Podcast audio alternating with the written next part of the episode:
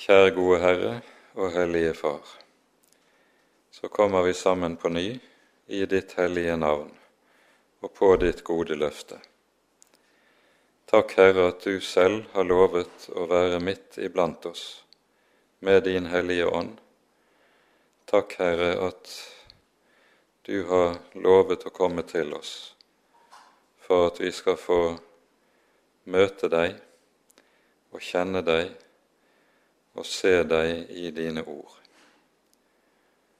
Nå ber vi, Herre, at du vil la din ånd gjøre sin gjerning i våre liv og i våre hjerter, og at Han må få skrive dine ord inn i hjertene våre. Så legger vi, Herre, Harry over i dine gode hender og ber deg at du vil våke over ham slik han trenger det. Vi ber, Herre, i Jesu navn. Amen.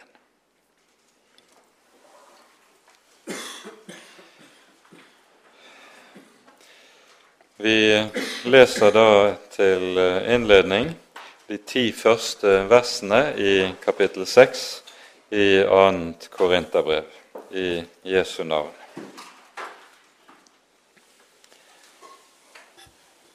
Men som medarbeidere formaner vi dere også at dere for, ikke forgjeves tar imot Guds nåde. For han sier:" På den tid som jeg behaget meg, bønnhørte jeg deg, og på frelsens dag kom jeg deg til hjelp. Se, nå er nådens tid. Se, nå er frelsens dag. Vi vil ikke i noe gi mennesker grunn til anstøt, for at ikke tjenesten skal kunne lastes. I alt viser vi oss som Guds tjenere, i stor tålmodighet, i trengsler, i nød, i angst, under slag, i fengsler, under opptøyer, i hardt arbeid, under nattevåk og i sult i renhet, i kunnskap, i langmodighet, i godhet, i Den hellige ånd, i oppriktig kjærlighet, ved sannhetsord, ved Guds kraft, ved rettferdsvåpen på høyre og venstre side, i ære og i vanære, med dårlig rykte og godt rykte som forførere og likevel sannferdige, som ukjente og likevel velkjente, som døende og se, vi lever, som straffet, men ikke slått i hjel, som sørgende, men alltid glade, som fattige, som likevel gjør mange rike, som de som ingenting har, men likevel eier alt. Amen.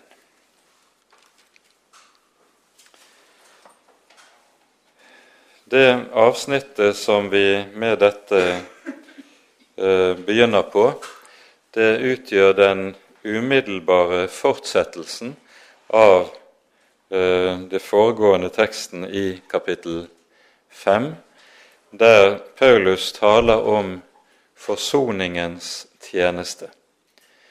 Forson, forsoningens tjeneste, den er den tjeneste som er overgitt apostlene fordi Jesus har sonet og med det forsonet menneskeheten med Gud.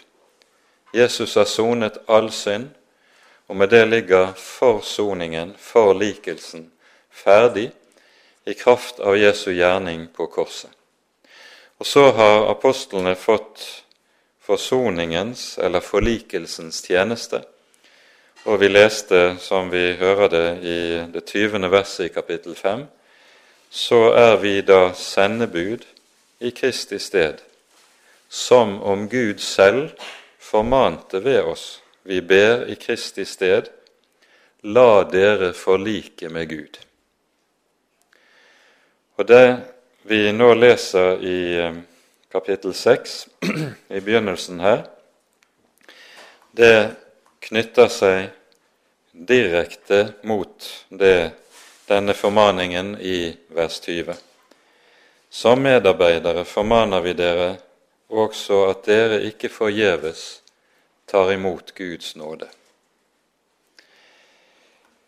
Når Paulus her bruker betegnelsen medarbeider, så er det usikkert egentlig hva han sikter til. I eh, et par tekster i første Korinterbrev så sier han og kaller han seg selv for Guds medarbeidere. I kapittel 3 i første Korinterbrev skriver han 'vi' når han taler om apostlene. 'Vi er Guds medarbeidere, dere er Guds åkerland, Guds bygning'. Og som Guds medarbeidere er det apostlene virker med Guds ord.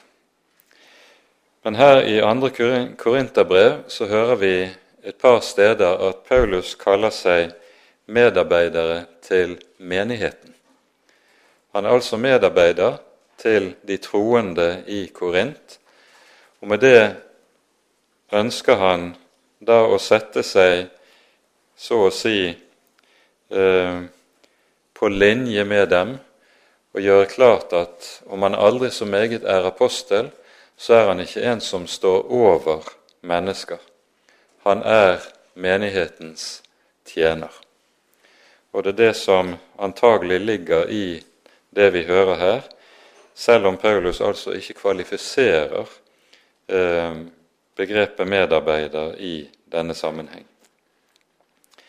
Men formaningen lyder altså at dere ikke forgjeves tar imot Guds nåde. I Galaterbrevets tredje kapittel så hører vi Paulus skrive til eh, galaterne dere begynte i ånd, vil dere nå fullende i kjød.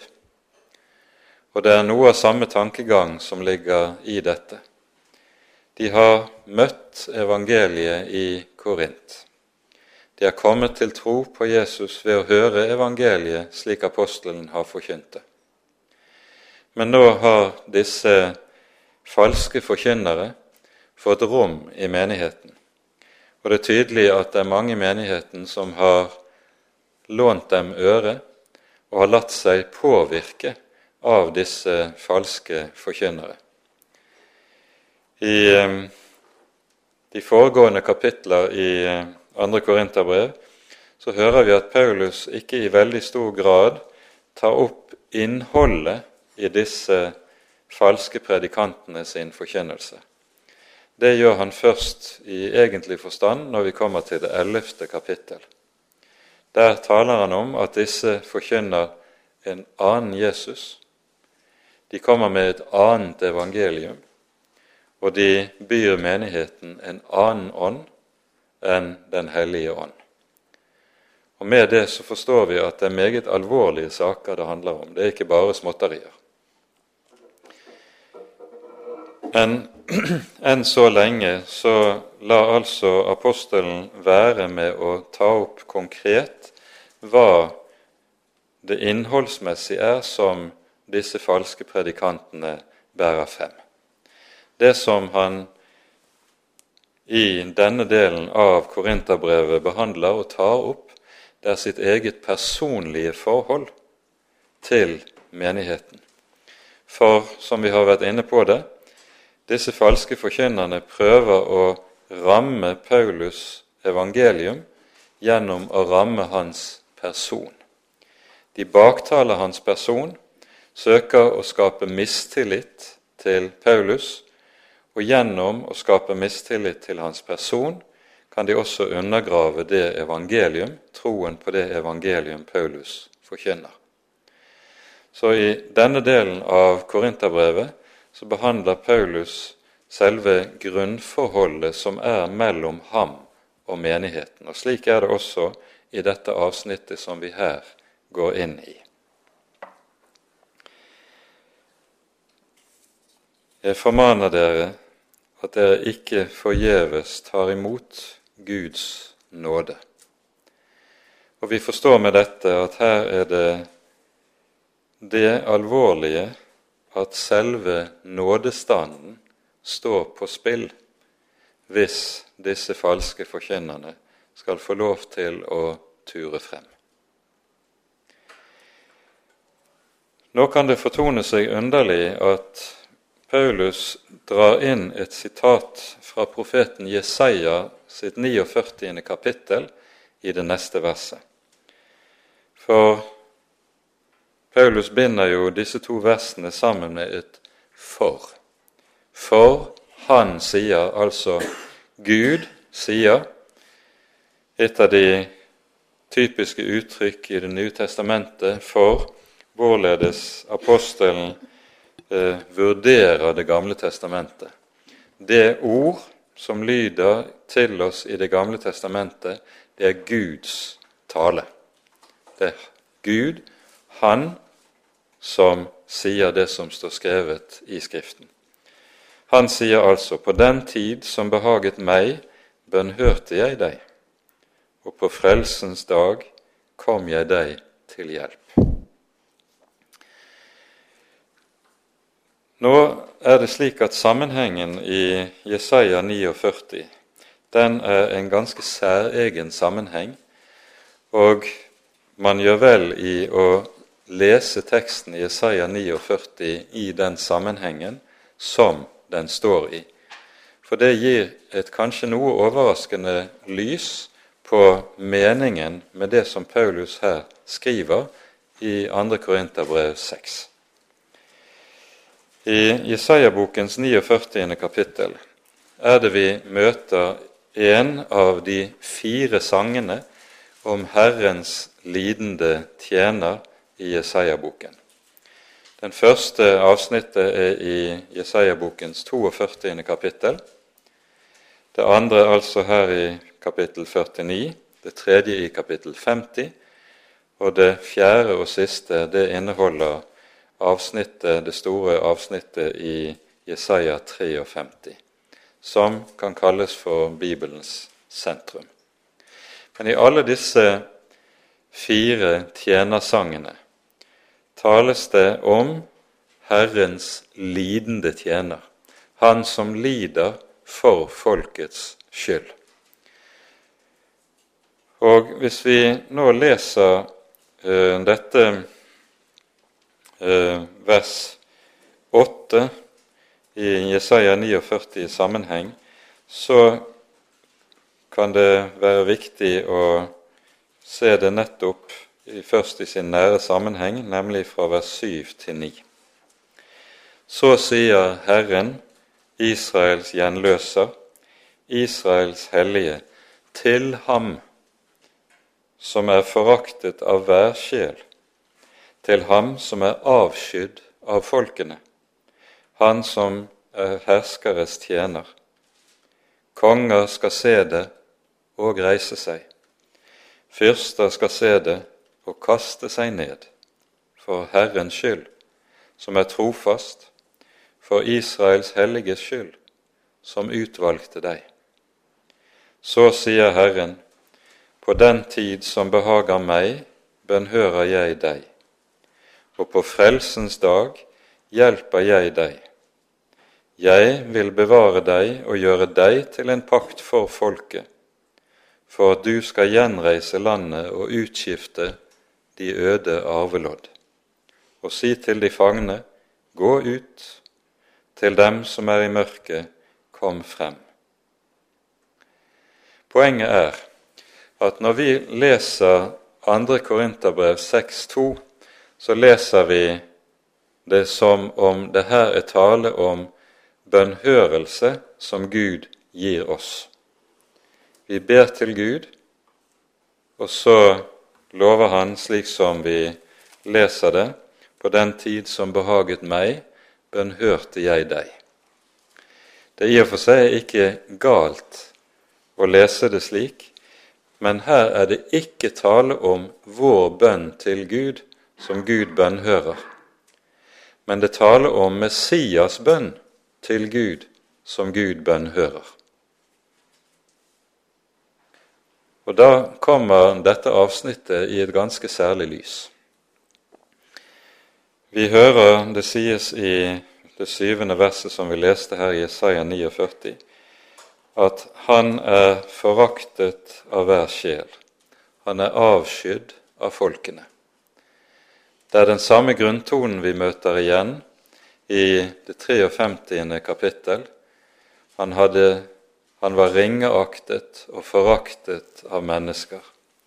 Han hadde ikke et utseende så vi kunne ha vår lyst i ham. Foraktet var han og ringeaktet. Dette er Herrens lidende tjener, og i sin nød ber han.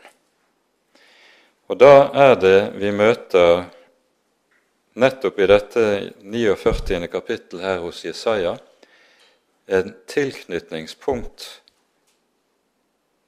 til det som Paulus skriver i vers 1 her i andre kor 6, når han taler om forgjeves. Jeg formaner dere at dere ikke forgjeves tar imot Guds nåde.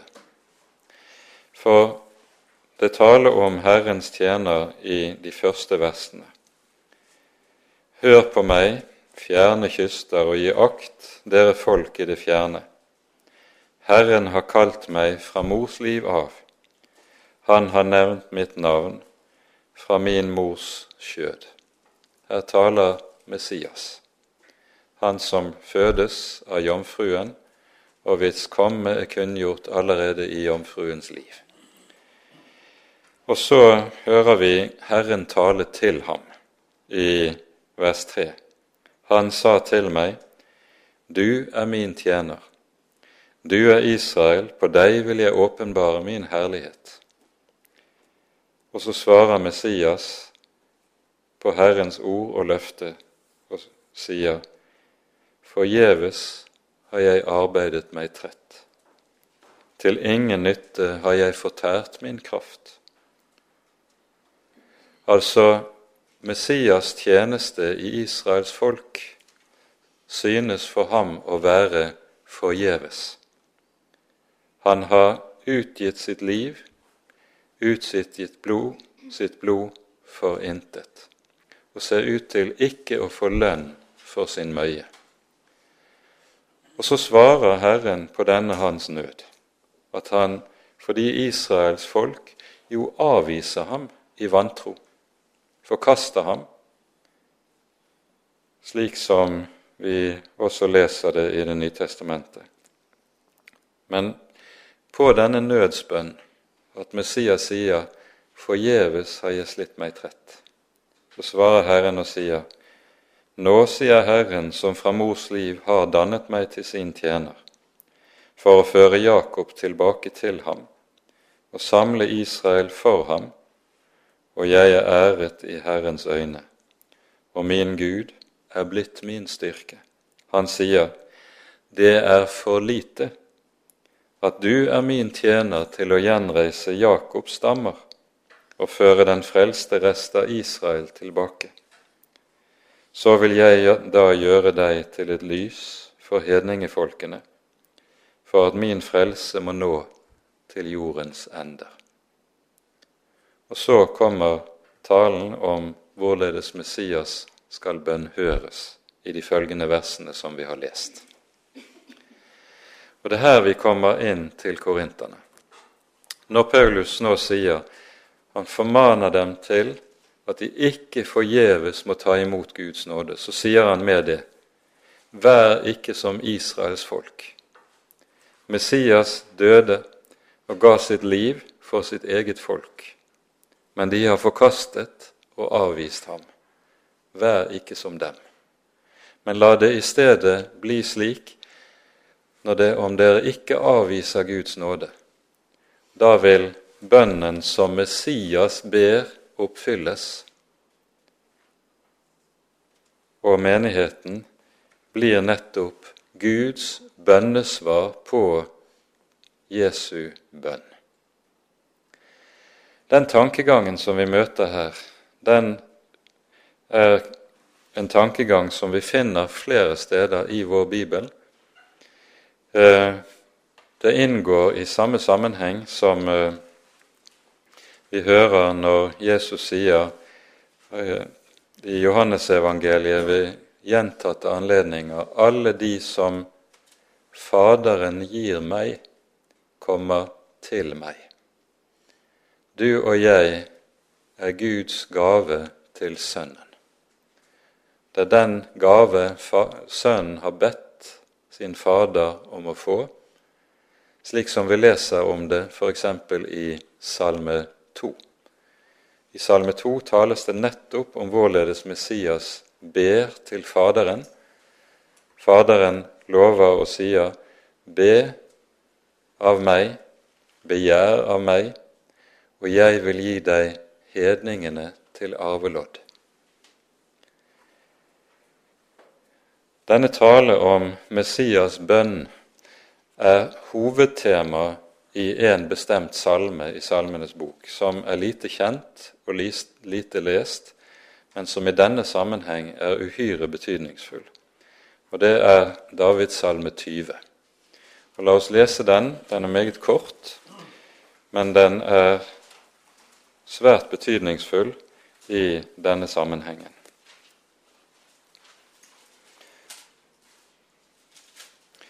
Måtte Herren bønnhøre deg på nødens dag.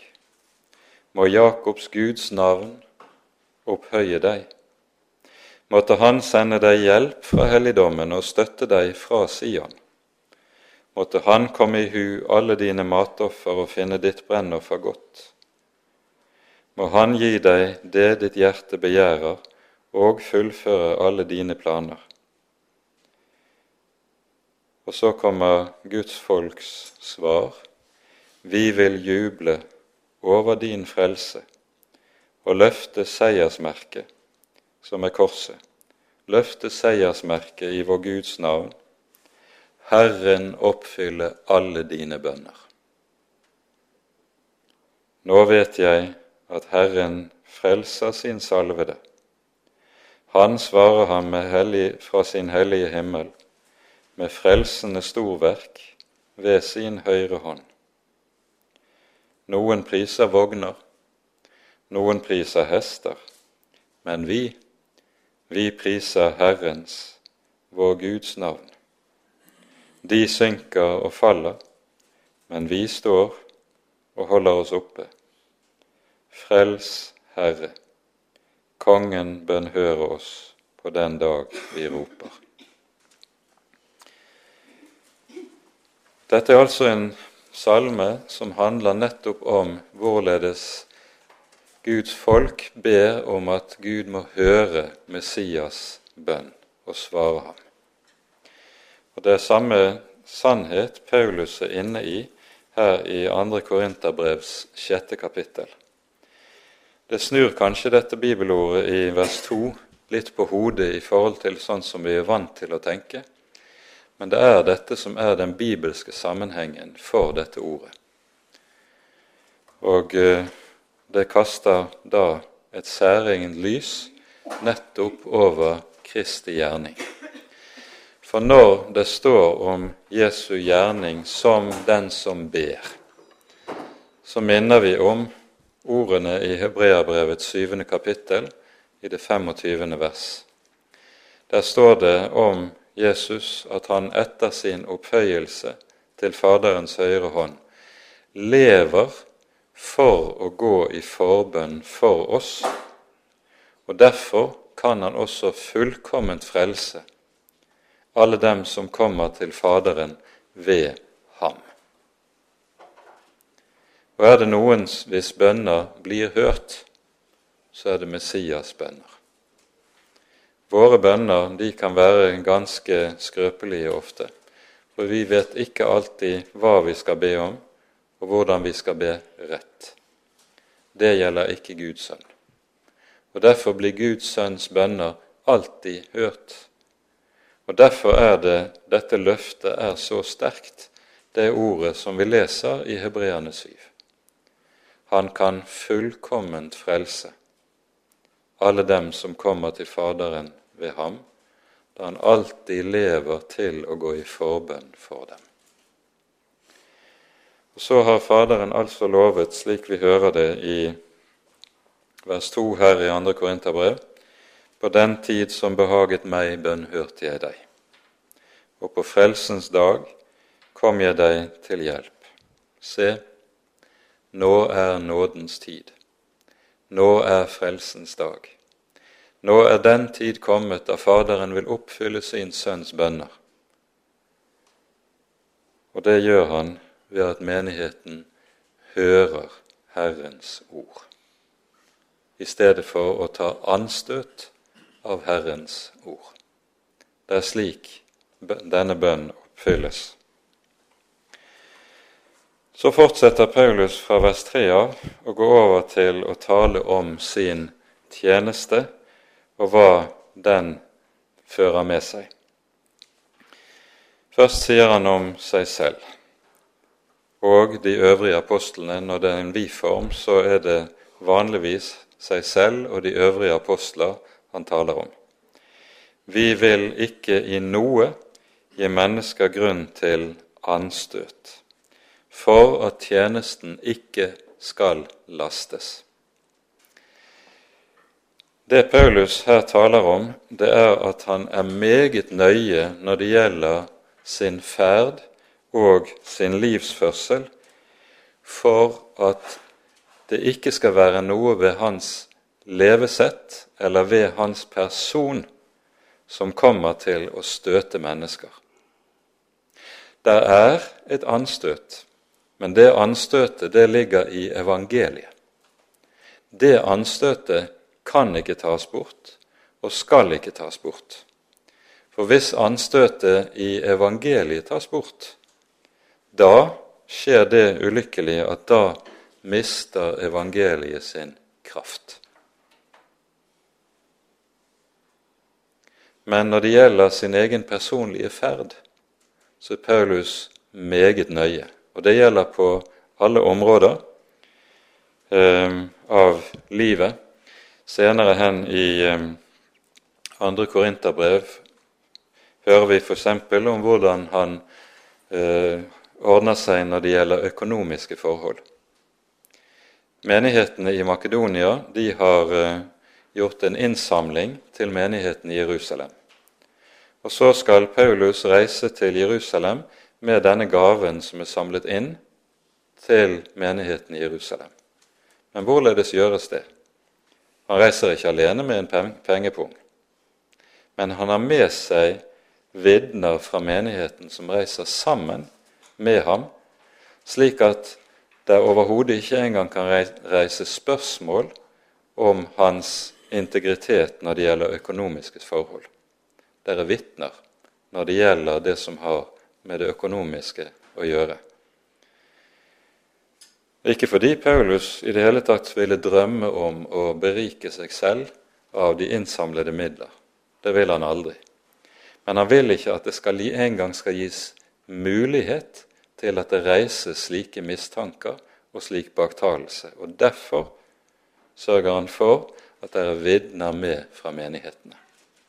Det er noe av det samme vi også gjør og bør gjøre når det gjelder økonomi. Når vi har et ofring i Kirken, så skal det være to som teller opp offeret. For at det ikke skal kunne reises en skygge av tvil om det som foregår. Det skal være orden på ting, også på det viset. Det er et eksempel på hvorledes disse ting ble gjort av Herrens apostel, og den typen ryddighet er viktig å ha for at mennesker ikke skal ta anstøt av at Guds folk skikker seg uordentlig og uryddig. Det er et eksempel på dette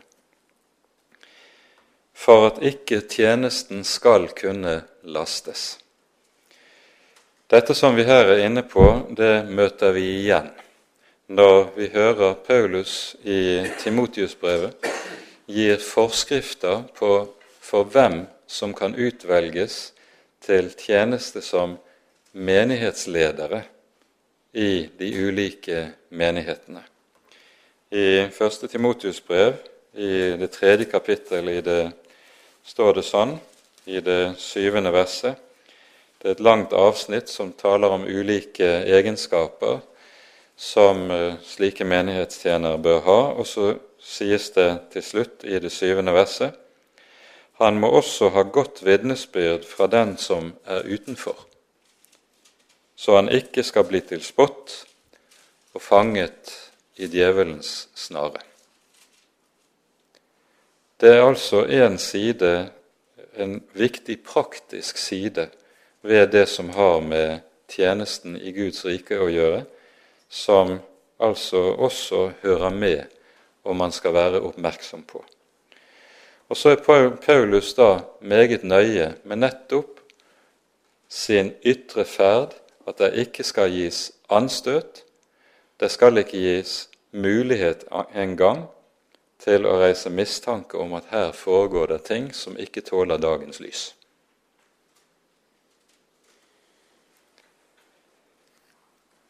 I det vi her leser, så er det slik at de falske forkynnerne som har operert i Korint, de snur dette på hodet.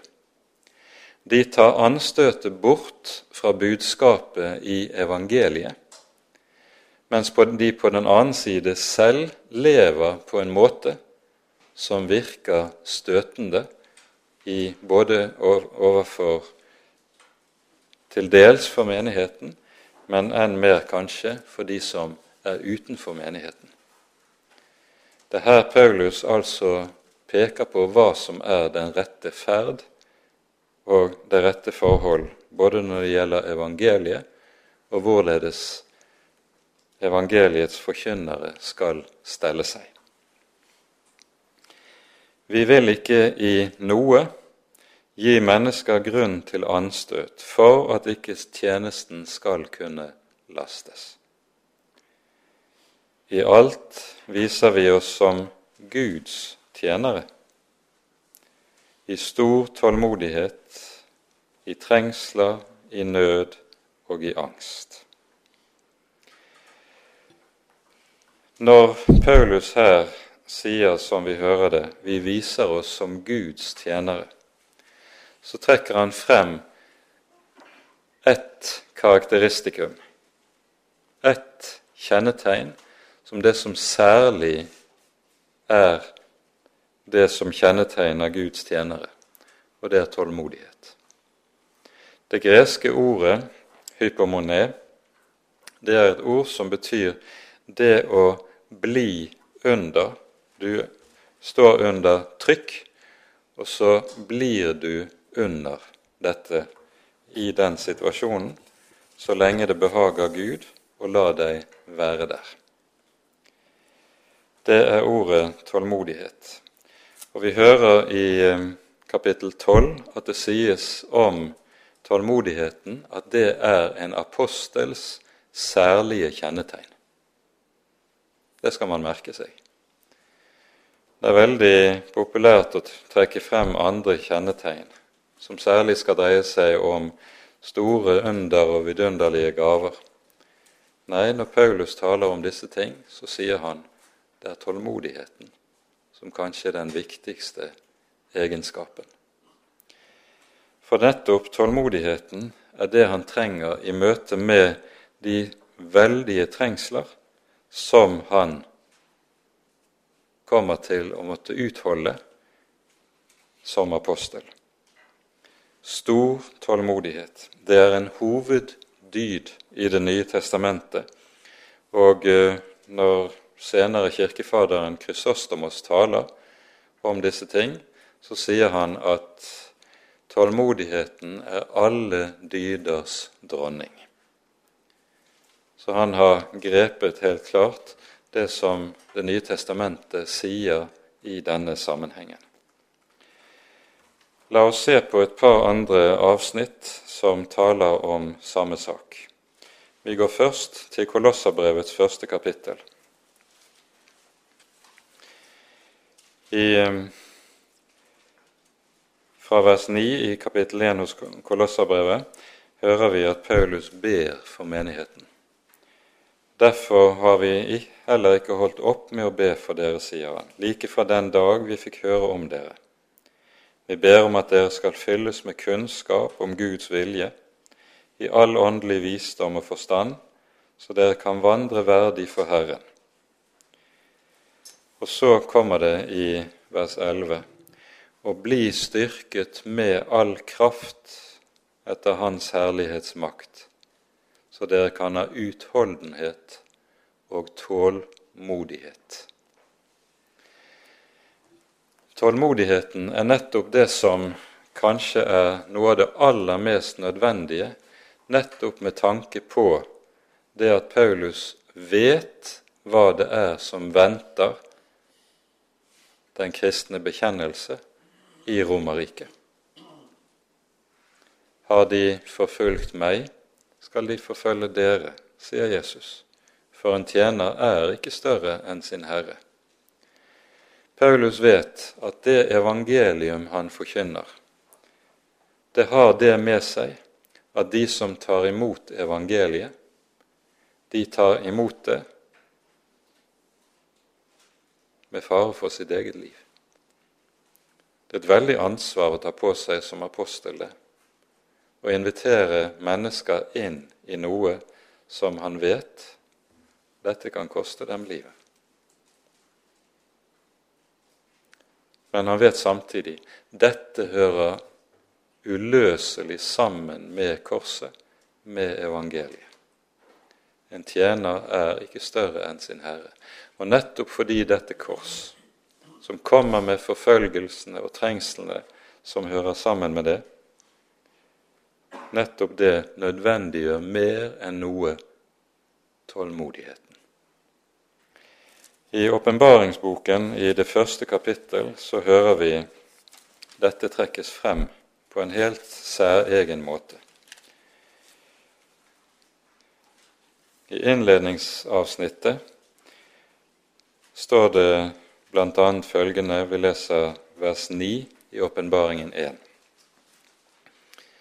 Jeg, Johannes, som er deres bror og har del med dere i trengselen og i riket og i tålmodigheten i Jesus. Jeg var på den øya som kalles Patmos for Guds ord og Jesu vitnesbyrds skyld. Han taler om landsforvisningen som han eh, var utsatt for pga. evangelieforkynnelsen. Men legg merke til hva det er at apostelen sier de troende har del i. Hører de Jesus til, så har de del i trengselen. De deler kår med Jesus. De har del i riket. De er blitt borgere av Guds evige rike. Og de har del i tålmodigheten. Og så føyes det til tålmodigheten i Jesus. Legg merke til det. Det står tålmodigheten i Jesus. For det tålmod som det her er tale om, det er noe som kun læres i Jesu samfunn og Jesu følge. Det har med det å gjøre som vi i det gamle et gammeltestamentlig uttrykk kaller for det å bie på Herren. Når du er i nød, så påkaller du Herrens navn, og så venter du på ham. Herre, rekk ut din hånd. Herre, ta min sak i din hånd. Herre, før min sak du. Og så venter en på Herren, i stedet for å forsøke å ta seg selv til rette. Det er tålmodet. Og Når Paulus taler om dette i denne sammenheng, så står, sier han altså stor tålmodighet. Det er det som er kjennetegnet på Guds tjenere. Og hvor er det dette tålmod trenges? Det står i trengsler, i nød og i angst. Og Det er verdt å legge merke til betydningen av de tre uttrykkene som Paulus her henter frem. Trengsel det er et uttrykk det er både i hebraisk og gresk slik at her er det tale om det som gjør det trangt for et menneske. Du er kommet i en situasjon hvor du knapt kan knus, snu deg, hvor du ikke har mulighet til å slippe ut. Du sitter trengt inn og vet ingen utvei. Det er det som ligger bokstavelig i ordet. Det neste ordet som, er oversatt med nød, det er et uttrykk som betyr det som er en nødvendighet.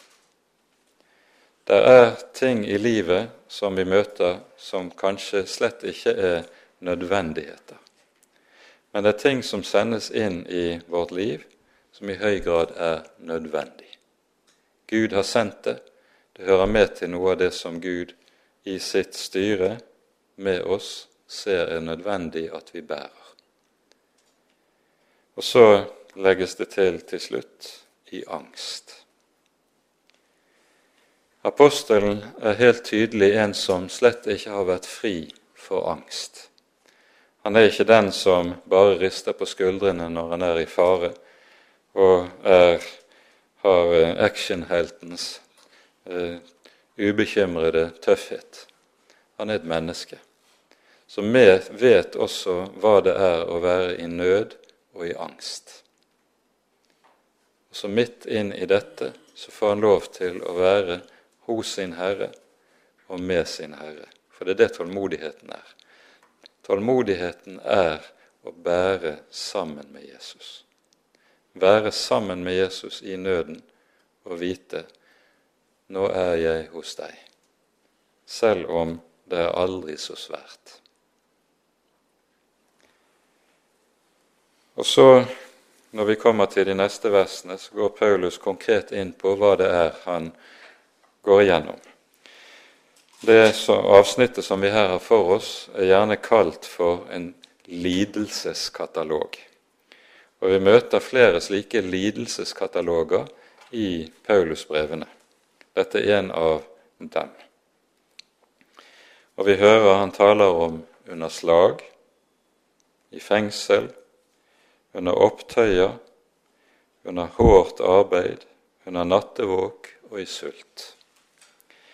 Dette er en del av det som Paulus måtte oppleve. Syv ganger leser vi apostelgjerningene om at han var fengslet. Vi hører fire-fem ganger om folkeopptøyer, mobben, som gjør oppstand og eh, anløper Paulus og hans medarbeidere. Vi hører om alt dette i apostlenes gjerninger. Det er en del av det han må utstå i evangeliets tjeneste. Og her skal vi kanskje minne om det bibelordet som vi finner i som sier, det ordet som sies til Paulus allerede når han møter Jesus utenfor Damaskus, der hvor han blir omvendt. Ehm, det står slik, vi leser fra vers 15 og vers 16. Det er Gud som besøker Ananias, sender ham til eh, Paulus for å legge hendene på ham. Og så hører vi noe av det som sies til Ananias her i disse to versene. Herren sa til ham, nemlig til Paulus, gå av sted. For et utvalgt redskap er han for meg til å bære mitt navn frem både for hedningefolk og konger og Israels barn. For jeg vil vise ham hvor meget han skal lide for mitt navns skyld. Dette sies altså allerede her i forbindelse med åpenbaringen ved Damaskus. Jeg vil vise ham hvor meget han skal lide for mitt navns skyld. Og når Paulus beskriver sitt liv, slik som vi særlig hører det i andre korinterbrev, dette blir mer utfyllende beskrevet i det ellevte kapittel, så vi kommer til å komme tilbake til det.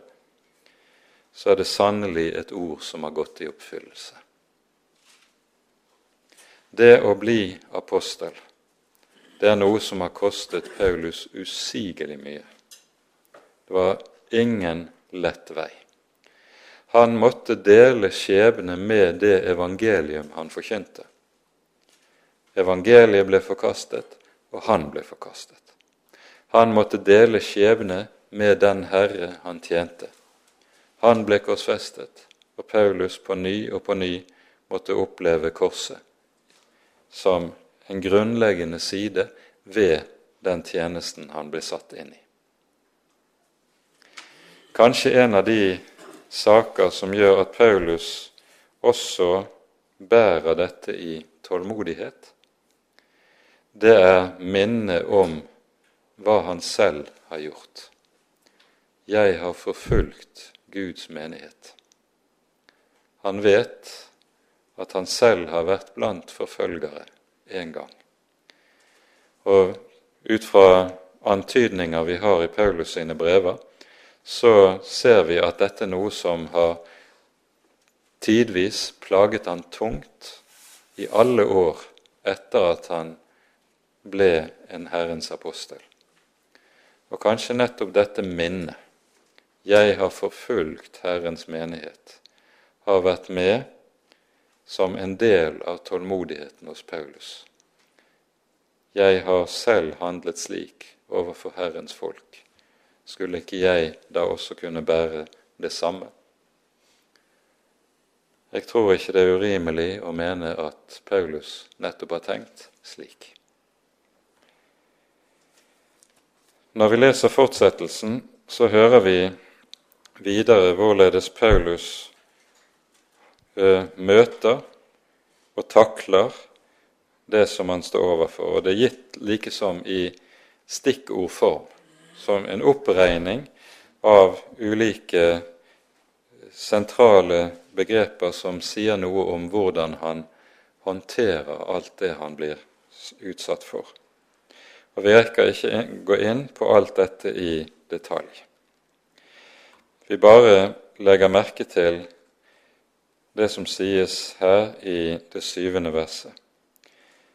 Han gjør det ved sannhetsord og ved Guds kraft, og med rettferdighetsvåpen på høyre og venstre side. Med det så peker Paulus på noe av dette som han senere beskriver i Efeserbrevet som Guds fulle rustning. Der er det omtalt på det vis. Og Det det taler om når det, vi hører om Guds fulle rustning, det er jo tale om hvorledes en kristen skal stride, ikke på kjødelig vis, men på åndelig vis. For det er det det dreier seg om. Og Paulus, med alt det Paulus beskriver her, så forteller han oss veldig tydelig og klart han strider ikke, han kjemper ikke på kjødelig vis, med kjødelige våpen, med det som vanlig menneskelig fornuft ville mene ville være rimelig og fornuftig reaksjon på det han blir utsatt for. Nei, han bruker andre våpen. Og når det står ved rettferdsvåpen på høyre og venstre side, så har dette i en del bibeloversettelser vært omsatt med, med våpen til angrep og til forsvar. For det var jo slik da med den gamle rustning at med høyre hånd svingte en sverdet, med venstre hånd så holdt man skjold og verge. Og så var det på det viset man kunne stå i striden. Og det disse to deler av Guds fulle rustning Paulus da vender tilbake til i Efeserbrevet i det sjette kapittel. Men det taler om åndelige våpen, ikke kjødelige våpen. Og så kommer til slutt i, fra vers 8 til 10 det avsluttende eh, versene, der han beskriver noe av den dobbelthet og det paradoksale som kjennetegner hele hans liv og hans ferd. Og Det er jo mesterlig formulert sånn som vi leser det i dette. I ære og i vanære. i godt rykte og dårlig rykte, som forførere og dog sannferdige, som døende og se vi lever, straffet eller tuktet, men ikke slått i hjel. Og så til slutt som sørgende, men alltid glade, som fattige, som likevel gjør mange rike, som de som ingenting har, og dog eier alt. Og Med det Paulus her sier, så beskriver han den dobbelthet som en kristen lever i her i verden, og som vi også skal eh, ta for oss og synge ved avslutningen av bibeltimen når vi synger Kingos salme 'Aldri er jeg uten våde'. Aldri dog for uten nåde. Alt, alltid har jeg sukker ved, alltid kan jeg Jesus se. Det er denne dobbelthet, bedrøvet og alltid glad. I Filippabrevet, som ofte kalles for gledens brev, fordi vi der møter den gjentatte oppfordringen Gled dere i Herren alltid. Atter vil jeg si gled dere. I dette brevet så hører vi samtidig om Paulus sorg. Han taler gjentatte ganger om stor sorg i de første kapitlene i dette brevet. Og likevel kalles brevet gledens brev. For i en kristens liv så går disse to ting hånd i hånd. Korset og trengselen det bærer i seg sorgen, bekymringen og angsten. Og så sies det likevel gled dere i Herren. Fordi i Herren har en kristen noe å glede seg over. Midt inn i at det er meget, så uhyre meget kanskje, som trykker og volder meg nød her i verden. I Herren har jeg en far som tar seg av min sak. I Herren har jeg en frelser som har tilgitt alle mine synder, og derfor tatt bort all Guds vrede det jeg opplever, er ikke tegn på at Gud er vred på meg. I Herren har jeg en som bærer meg på sitt hjerte, og alltid har min trøst i sinnet. Gled dere i Herren. Det er det som apostelen taler om i dette, og det er derfor han kan si sånn som vi hører det, som sørgende og alltid glade. Vi møter også det paradoksale uttrykket 'som fattige, som likevel gjør mange rike'. Det er dette vi har et forbilde på i beretningen om brødunderet når Jesus metter de 5000. Det var en liten gutt som hadde noen små brød og noen fisker. Jesus bryter dem sånn at hver disippel får et halvt slikt brød, de er på størrelse med et rundstykke, og gir hver disippel. Så sender han de ut i flokken på 5000. Og Vi kan nok forestille oss at disiplene hadde kjente seg ganske tåpelige. De står der med et halvt rundstykke i hånden og Jesu ord. Gå ut og mett folket. Og så skjer det forunderlige. De bryter rundstykket og deler ut. Og til sin forundring så ser de de har fortsatt like mye i hånden etter at det er brutt. De bryter på ny og deler ut. Og fortsatt har de like mye. Og sånn går de gjennom den store flokken, og de mettes. De føler seg fattige. De føler seg kanskje tåpelige og hjelpeløse men de metter de 5000. De er som fattige som gjør mange rike. I dette så er Herrens apostler slike som ligner på sin Herre. De er i Herrens tjeneste. For i den åttende kapittel er det vi har dette grunnordet om Kristi person. Det står sånn om Jesus i kapittel 8 vers 9. Dere kjenner vår Herres Jesu Kristi nåde at Han for deres skyld ble fattig da han var rik, for at dere ved hans fattigdom skulle bli rike. Og nettopp det som kjennetegnet denne Herre Jesus, det kom til også å kjennetegne hans apostler. De var som fattige som gjorde mange rike. For det evangeliet gjør, det er at det gjør underet i de tomme hender.